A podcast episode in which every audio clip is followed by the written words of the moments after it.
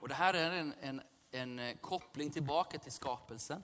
Hur skapade Gud världen? Han svävade över vattnen och vattnen i den här tiden talas ofta om oro. Vattnen i de här strömmarna, det är någonting som är instabilt och rörligt. Det, det, det, kan till och med då tala om kaos om man gör lite studier på det här. Och i det kaoset så grundar han världen och det som blir jorden och det som blir hans skapelse. Mitt i kaoset så grundar han och skapar stabilitet och ordning. Och sen kommer frågan, vem får gå på Herrens berg? Alltså utifrån att han är skaparen, utifrån att han är den upphöjde, vi sjunger Hosianna i höjden. Frälsningen finns där ovan. Vem får då nalkas honom? Vem får komma nära in i hans helgedom? Jo, den som har oskyldiga händer och rent hjärta, som inte vänder sin själ till lögn och inte svär falskt. Här finns det ett problem. Vi kan gå och läsa vidare. Han, eh, han får välsignelse från Herren och rättfärdighet från sin frälsningsgud. Vem då? Jo, den som inte kommer med ett falskt hjärta. Den som inte kommer på ett lögnaktigt sätt. Vad talar det om? Det talar om oärlighet, va? Ett, ett hycklande hjärta, ett tvehågset hjärta. När man inte är uppriktig. Det är som att texten i det här fallet inte talar om att leva moraliskt rätt egentligen, utan med ett ärligt hjärta söka honom som sin frälsare. För det är där vi får välsignelsen. Han får välsignelse. Vem då? Jo, den som med helt hjärta söker honom. Den som med helt hjärta igenkänner honom som allting skapare, som kung över allt detta vi ser. Är ni med mig? Så vem får komma inför honom? Den som igenkänner att han är jordens herre. Att han tillhör allt som den rymmer och alla dess människor som vandrar, det vill säga du och jag. Så igenkänningsfaktorn när det sker och vi kommer till honom med ett ärligt hjärta så får vi välsignelse och rättfärdighet från vår frälsnings Gud. Frälsningen kommer från ovan och när vi igenkänner honom så som från ovan får vi frälsning därifrån. Sådant är släktet som frågar efter honom och de som söker ditt ansikte är Jakobs barn. Alltså den, den versen talar om hållningen som får välsignelse och rättfärdighet som lön. Det är de som söker honom. Templet skulle vara en plats, en bönens plats för alla folk. Det skulle vara platsen där man söker honom. Vem blir välsignad? Jo, den som söker honom. Den som söker frälsning hos honom. Och det folket uppmanas att höja era huvuden. Ni portar, höjer ni eviga dörrar så att Herrens konung kan tåga in. Ge utrymme för honom att råda och regera. Låt honom vara kung. Låt honom få vara ärans kung. Det är Herren, stark och väldig. Herren väldig i strid.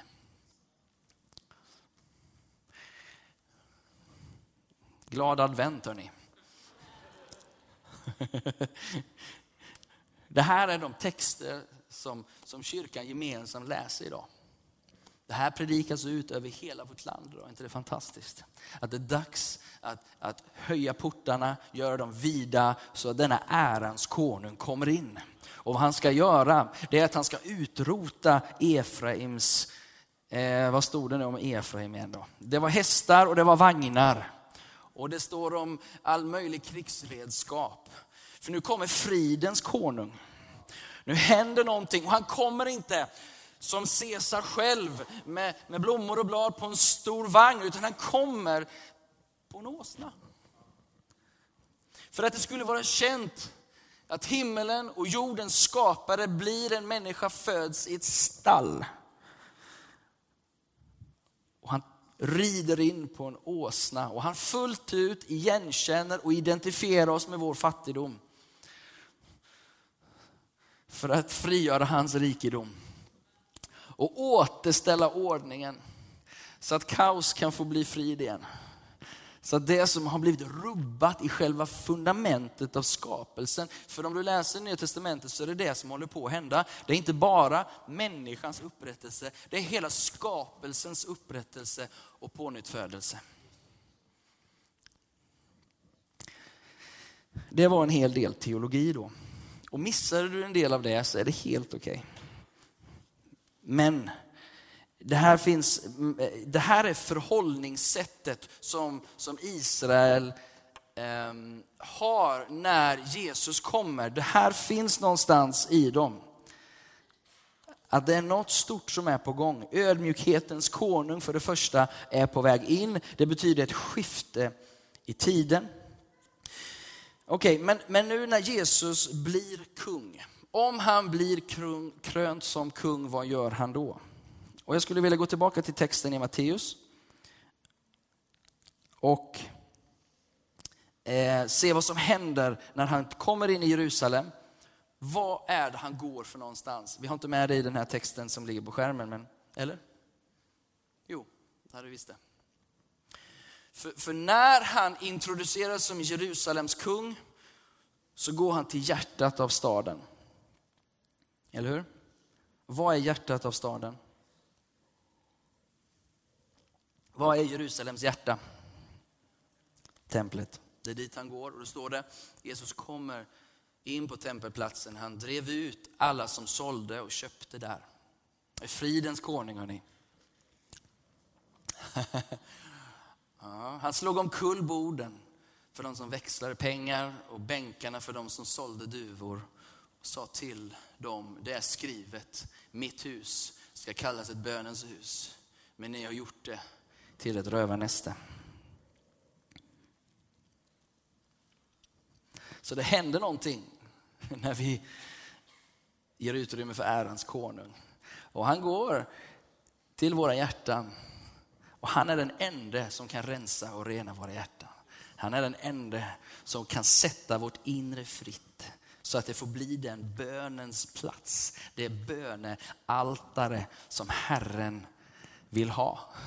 Han, när han frälser oss, om han har frälst de här vännerna från Iran och Tunisien och, Syrien och döps. Vad som händer det är att han själv rensar och renar och som det står här, driver ut det som hindrar den sanna tillbedjan. Ett märke, eller vad ska man ett signament, vad säger man, signalementet, ett tecken på att Jesus kommer, det är att bönen stiger upp. Det är att tillbedjan växer igen. Och det som händer på den här platsen, det är också att till och med barnen börjar tillbe. Ett gott tecken på att Jesus är där, det är att barnen trivs. Smaka på den ett tag. Hur har barnen det i din närvaro? Hur har barnen det i min närvaro?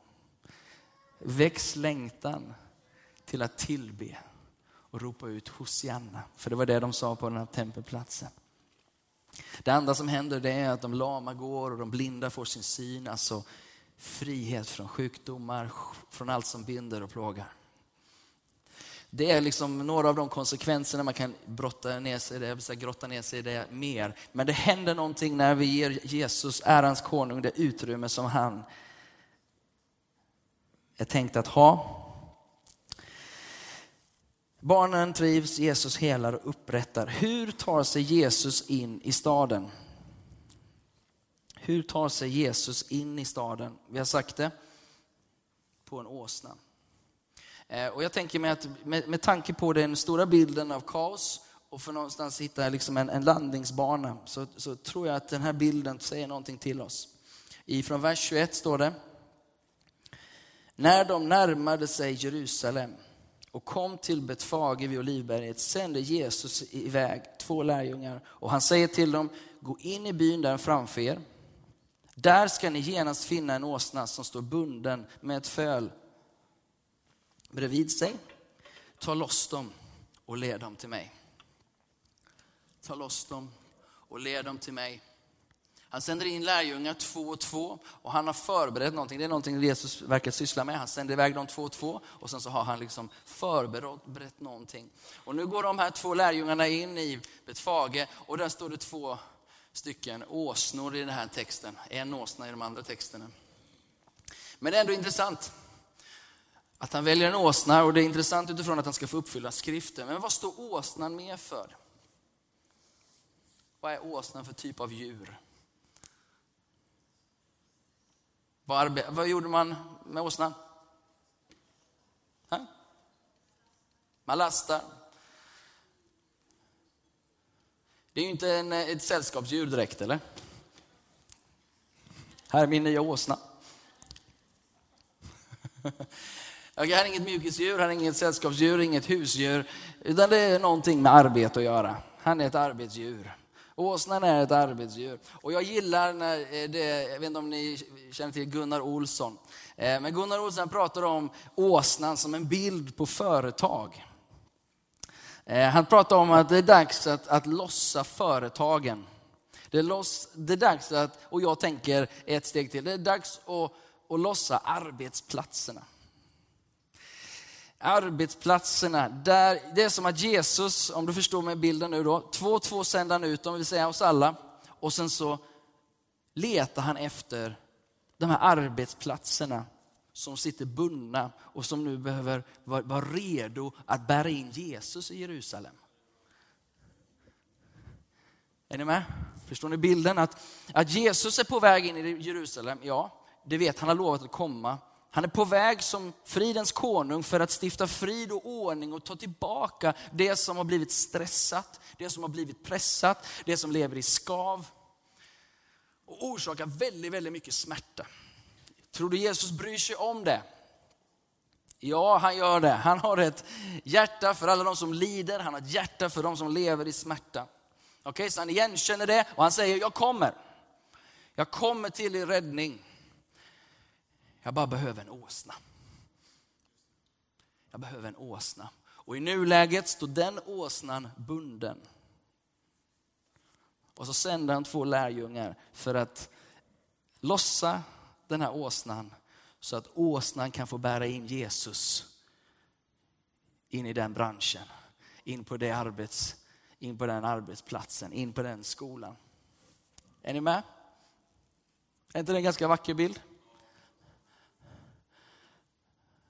Och det goa i den bilden, det är att Jesus själv har förberett den där stackars åsnan.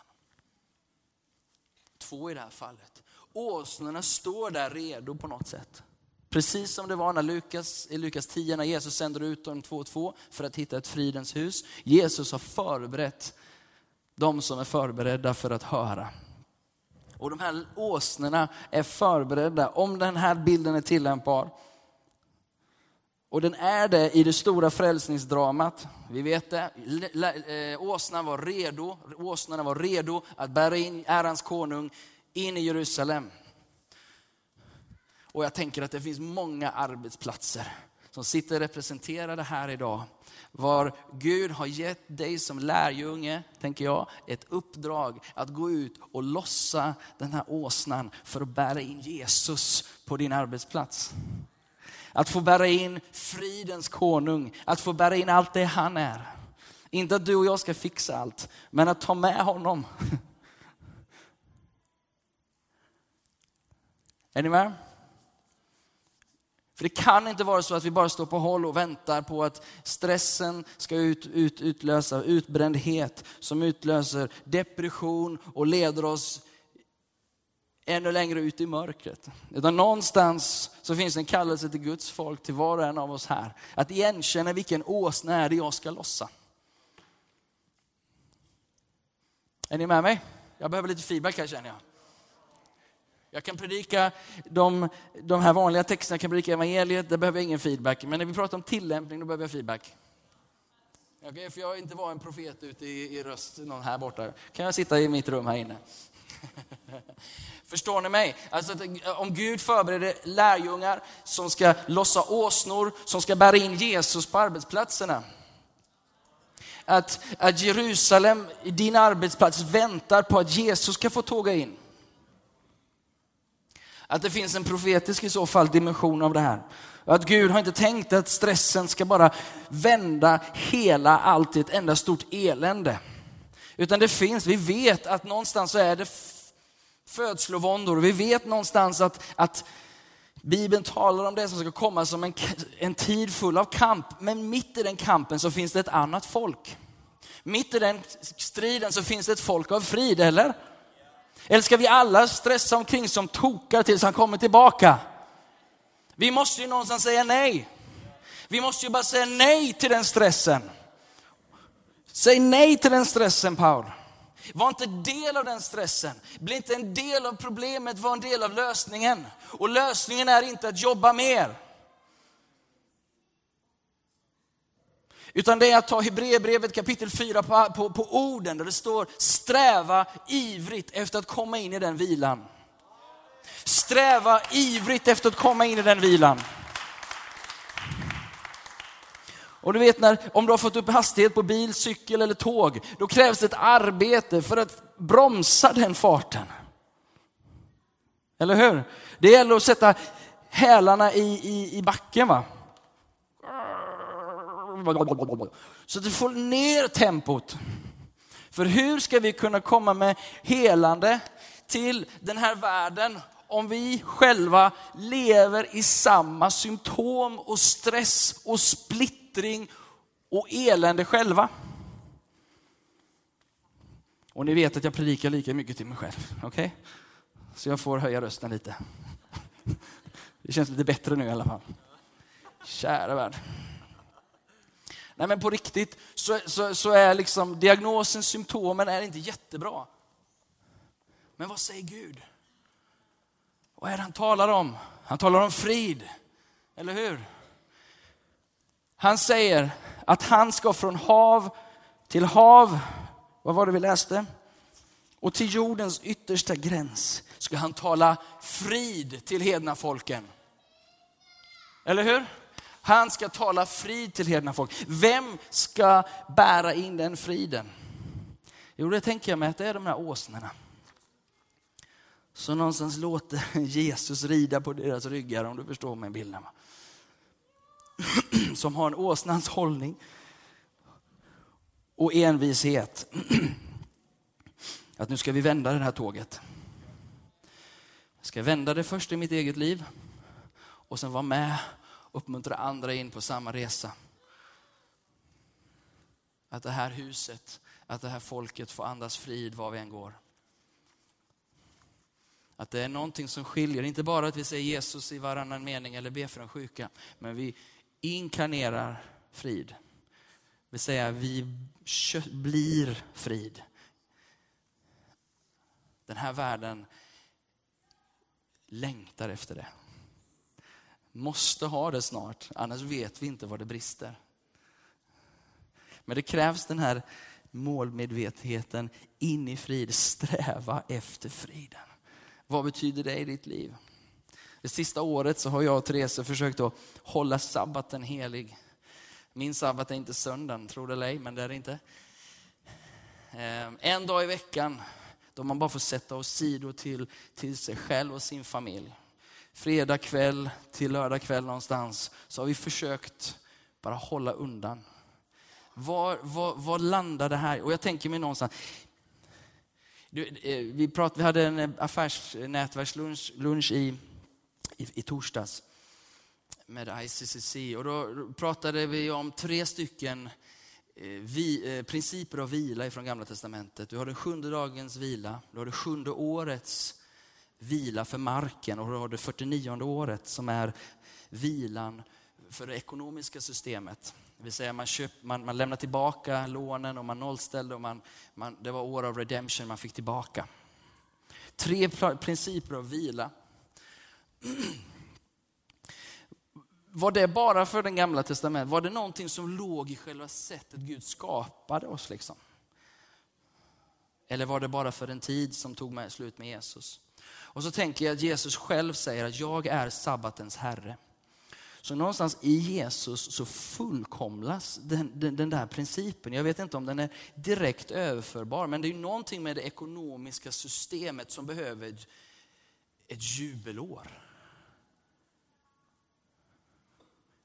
Förstår ni vad jag menar? Jubelåret, det 49 året, det är då skulderna liksom balanseras. Då är det inte bara de rika som sitter på 97 procent av världens förmögenhet, av de 3 procent som äger 97 av tillgångarna, 97 procent av tillgångarna. Utan det som hände då var en fördelning. Hände.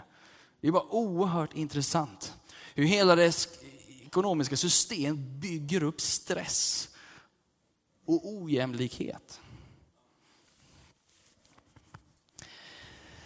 Okej, så det här är lite spridda tankar. Som vi, men, men jag tänker någonstans in i din, i din bransch, där du befinner dig som lärare. Hur, hur många lärare har vi här idag? Här nere har vi en lärare. Är det stressigt som lärare? är det mer lärare här idag? Är det en? Här. Vården? Ja, hej Farnas. Alltså. Är det stressigt som lärare? Hur är det i vården? Har vi några som jobbar inom vården här idag? Lugnt och skönt i vården idag? Utrymme, vila. Tjena. Vi kan ta ner det här på alla plan. Och vi inser någonstans att vi behöver komma in i vila. För att också kunna göra det som vi kallar det att göra. Eller hur? För det är inte bara, vila är ju inte frånvaro av jobb. Utan närvaro av kungen. Det är inte bara att sluta, det är inte, det är inte att ligga... Det här är ju inte vila. Även om det är gott ibland. Rulla tummarna. Men det är närvaro av kungen. Ärans konung. Låt oss göra bred och vid plats för honom. Låt oss se till att han är kung och vi är inte. Att han är jordens konung och herre. Och allt tillhör honom som ryms i denna sfär. Inklusive alla människor. Och allt ytterst sett vilar på honom och inte på oss.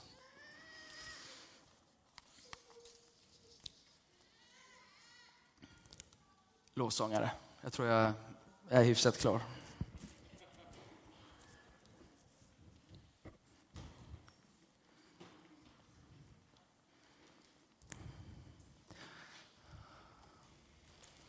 Vad betyder det här på ditt arbete och vad betyder det här för din familj? När vilar du? När stänger du av? När stänger jag av? Måste vi bli helt utbrända innan vi stänger av? Eller kan vi ligga steget före? Kyrkan, vi har alldeles för många här i det här huset som är stressade. Hur ska det här huset och vi som jobbar här kunna leda i, leda i någon mån föra, exemplifiera frid när vi lever i stress.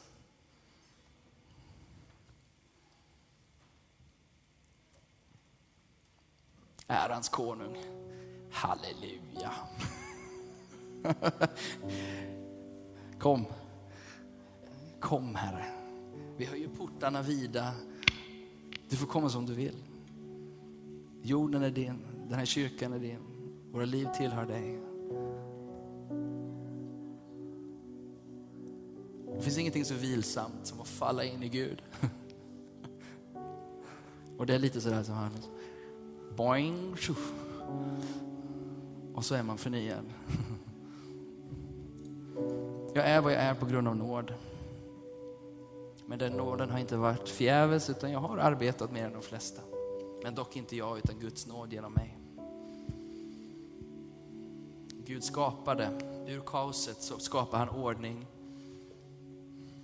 han insatte människan att råda och regera över den ordningen och låta skapelsen få vara i vila.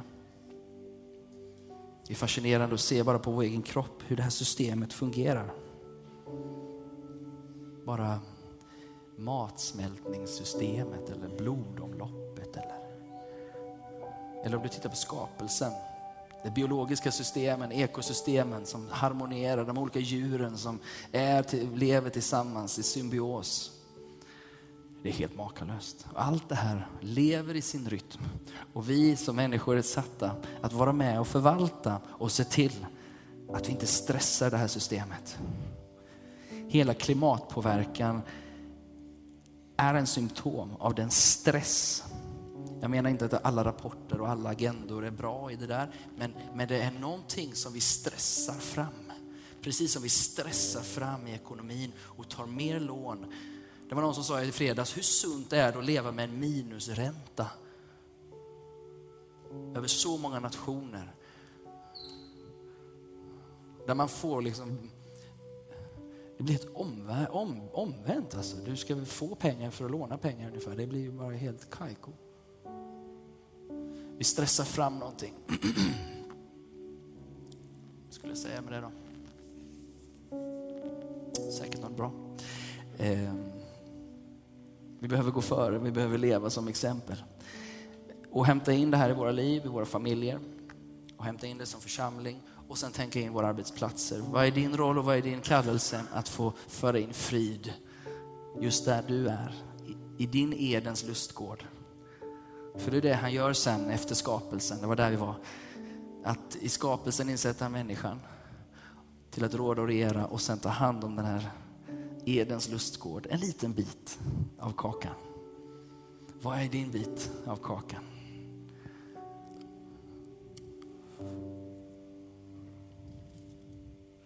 Så när vi idag, den första advent, sjunger Hosianna, Davids son, så hoppas jag, att du idag, hoppas jag idag att du ska förstå kraften i den bekännelsen. Tåga in Herre, var konung, råd, kom och bringa din frid. Låt oss lägga ner vapnen och låt din frid komma.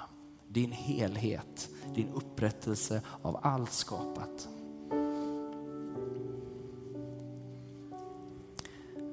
Låt oss tillbe tillsammans innan vi går in och också får möjlighet att be för varandra. Vi ska be för de dopkandidater som är kvar.